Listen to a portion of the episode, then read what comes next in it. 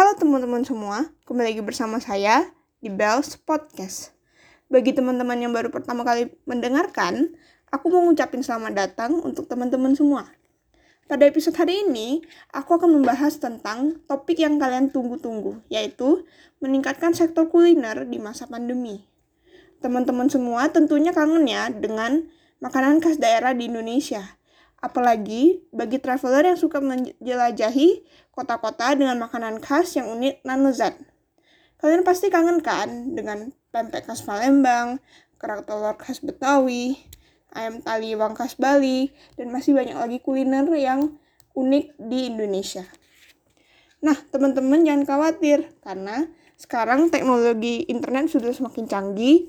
Kita bisa nih membeli kuliner khas daerah yang dikangenin melalui e-commerce. Jadinya kita bisa makan makanan khas daerah yang kita kangenin tanpa harus ke daerah tersebut, teman-teman.